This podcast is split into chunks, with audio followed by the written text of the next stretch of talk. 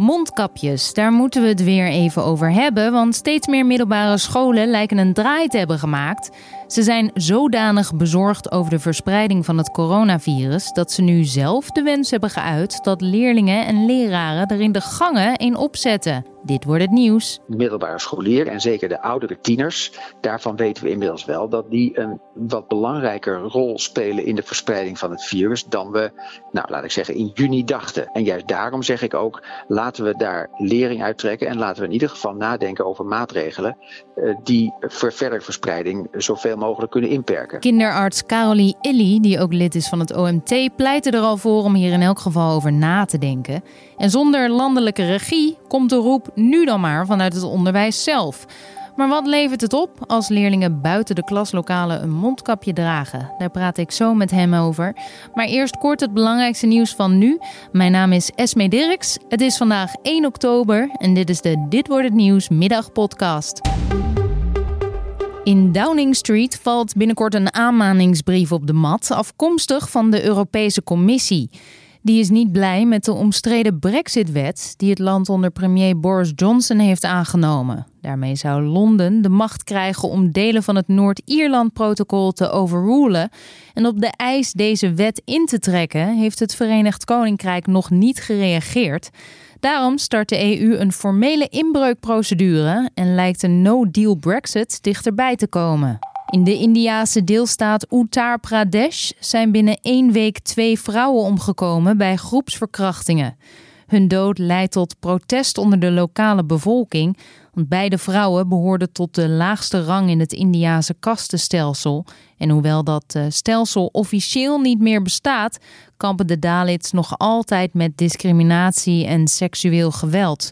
Naar aanleiding van de onrust in het dorp bij de crematie van een van de slachtoffers zijn 25 mensen gearresteerd en de politie heeft met een noodverordening samenkomsten van meer dan vijf mensen verboden en ook mogen politieke leiders het dorp niet in.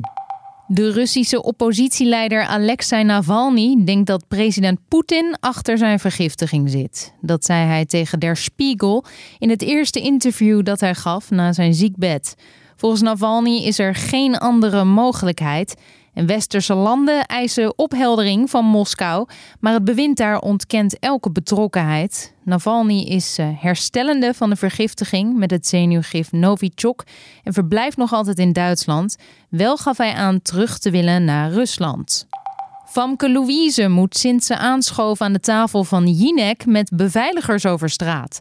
De zangeres vertelt aan RTL Boulevard dat haar auto een dag na de uitzending werd vernield en dat ze het gevoel had dat heel Nederland haar van de een op de andere dag haatte. Ze kwam in opspraak toen ze de hashtag Ik doe niet meer mee gebruikte op Instagram, waarmee ze zich tegen het coronabeleid keerde. En daar deed ze na alle ophef afstand van en ging ook in gesprek met de voorzitter van de Nederlandse Vereniging voor Intensive Care, Diederik Gommers. En samen zitten ze maandag weer in de talkshow van Jinek. Ajax ontvangt ruim 21 miljoen euro voor Serginho Dest.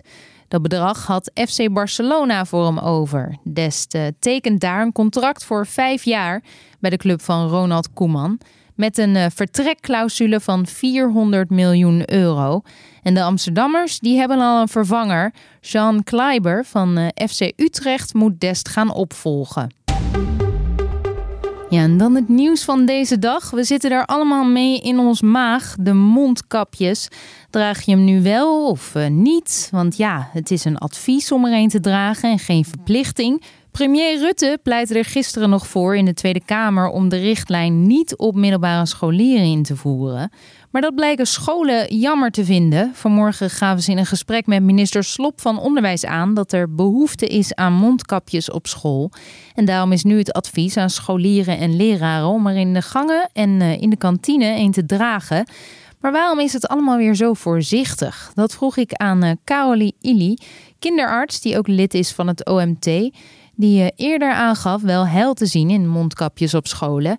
In elk geval moet er volgens hem over nagedacht worden. Klopt, ik, ik, ik vind het belangrijk om dit fenomeen, het, het, dragen van mondkapjes op middelbare school, niet in de klas, hè, maar in de, in de gangen en in de kantines en op al die plekken waar het lastig is om, om afstand te houden, om dat te bediscussiëren. Maar eh, kijk, waar het mij vooral om gaat, is dat ik het ontzettend belangrijk vind dat de scholen gewoon open blijven.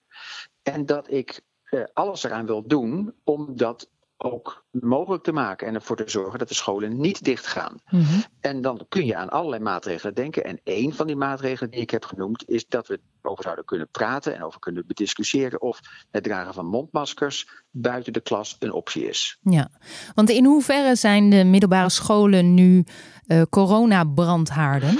Nou, er zijn, ze zijn geen coronabrandhaarden in het geheel niet. Er, er zijn wel middelbare scholieren die corona hebben. Er zijn ook leerkrachten die corona hebben. Maar het is absoluut niet zo dat het clusters zijn. En dat we, uh, dat we op dit moment uh, middelbare scholen hebben als clusters en als uh, motoren, zeg maar, voor de epidemie. Daar is helemaal geen sprake van, gelukkig. Maar tegelijkertijd is het wel zo dat middelbare scholieren en zeker de oudere tieners, daarvan weten we inmiddels wel dat die een wat belangrijker rol spelen in de verspreiding van het virus dan we, nou laat ik zeggen, in juni dachten. Dus het is, het is wel zo dat ze een rol spelen bij de verspreiding van het virus. En juist daarom zeg ik ook, laten we daar lering uit trekken en laten we in ieder geval nadenken over maatregelen die voor verdere verspreiding zoveel mogelijk kunnen inperken. Ja, zoals dus een mondkapje. Want een aantal scholen die deden het al op eigen initiatief. Ook al vormen deze jongeren dus niet de grootste besmettingsbron. Hè, en spelen ze wel een rol, maar een kleine in de verspreiding. Wat levert het dragen van een mondkapje buiten de lessen om dan op?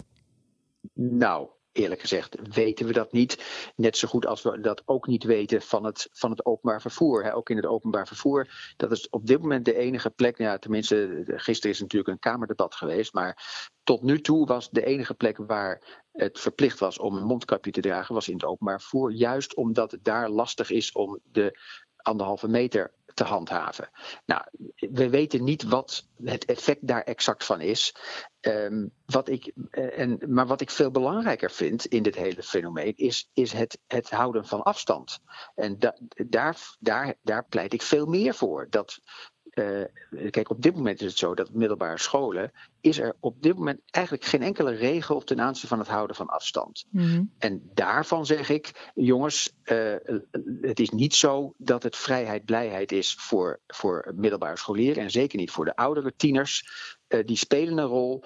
dus, dus laten we in ieder geval dat in de hoofden en in de gedachten en in, in, in, in het hele systeem van de scholen en van de leer, leerlingen krijgen, dat ze uh, wel afstand houden. En dat, dat, het niet, dat ze niet allemaal bovenop elkaar kunnen klimmen. Dat, er, er, moet afstand gehouden worden. En dat is belangrijk. Maar die boodschap is op zich um, veelvuldig gecommuniceerd, ook naar scholieren toe. Blijkbaar is dat lastig om te handhaven buiten de lessen om, vandaar die, die mondkapjes. Maar ja. hoe zit het dan in de klaslokalen? Want veel leraren die geven toch juist aan dat samenkomst in die bedompte um, lokalen ze zorgen baart. Ja, nou kijk, daar speelt natuurlijk ventilatie ook een rol. Uh, kijk, op zich, als je in een klas zit, uh, en je, je kijkt allemaal in dezelfde richting. Uh, de, de tafels en de stoelen kunnen uit elkaar gezet worden. Kijk, het is niet. We hebben met z'n allen afgesproken dat op scholen niet anderhalve meter hoeft te worden aangehouden. En dat is ook niet waar ik voor pleit, maar ik pleit voor het houden van afstand. En dat kan uitstekend gerealiseerd worden, ook in een klas. Waar het lastiger is, het houden van afstand, dat is in de, in de gangen, in de kantines.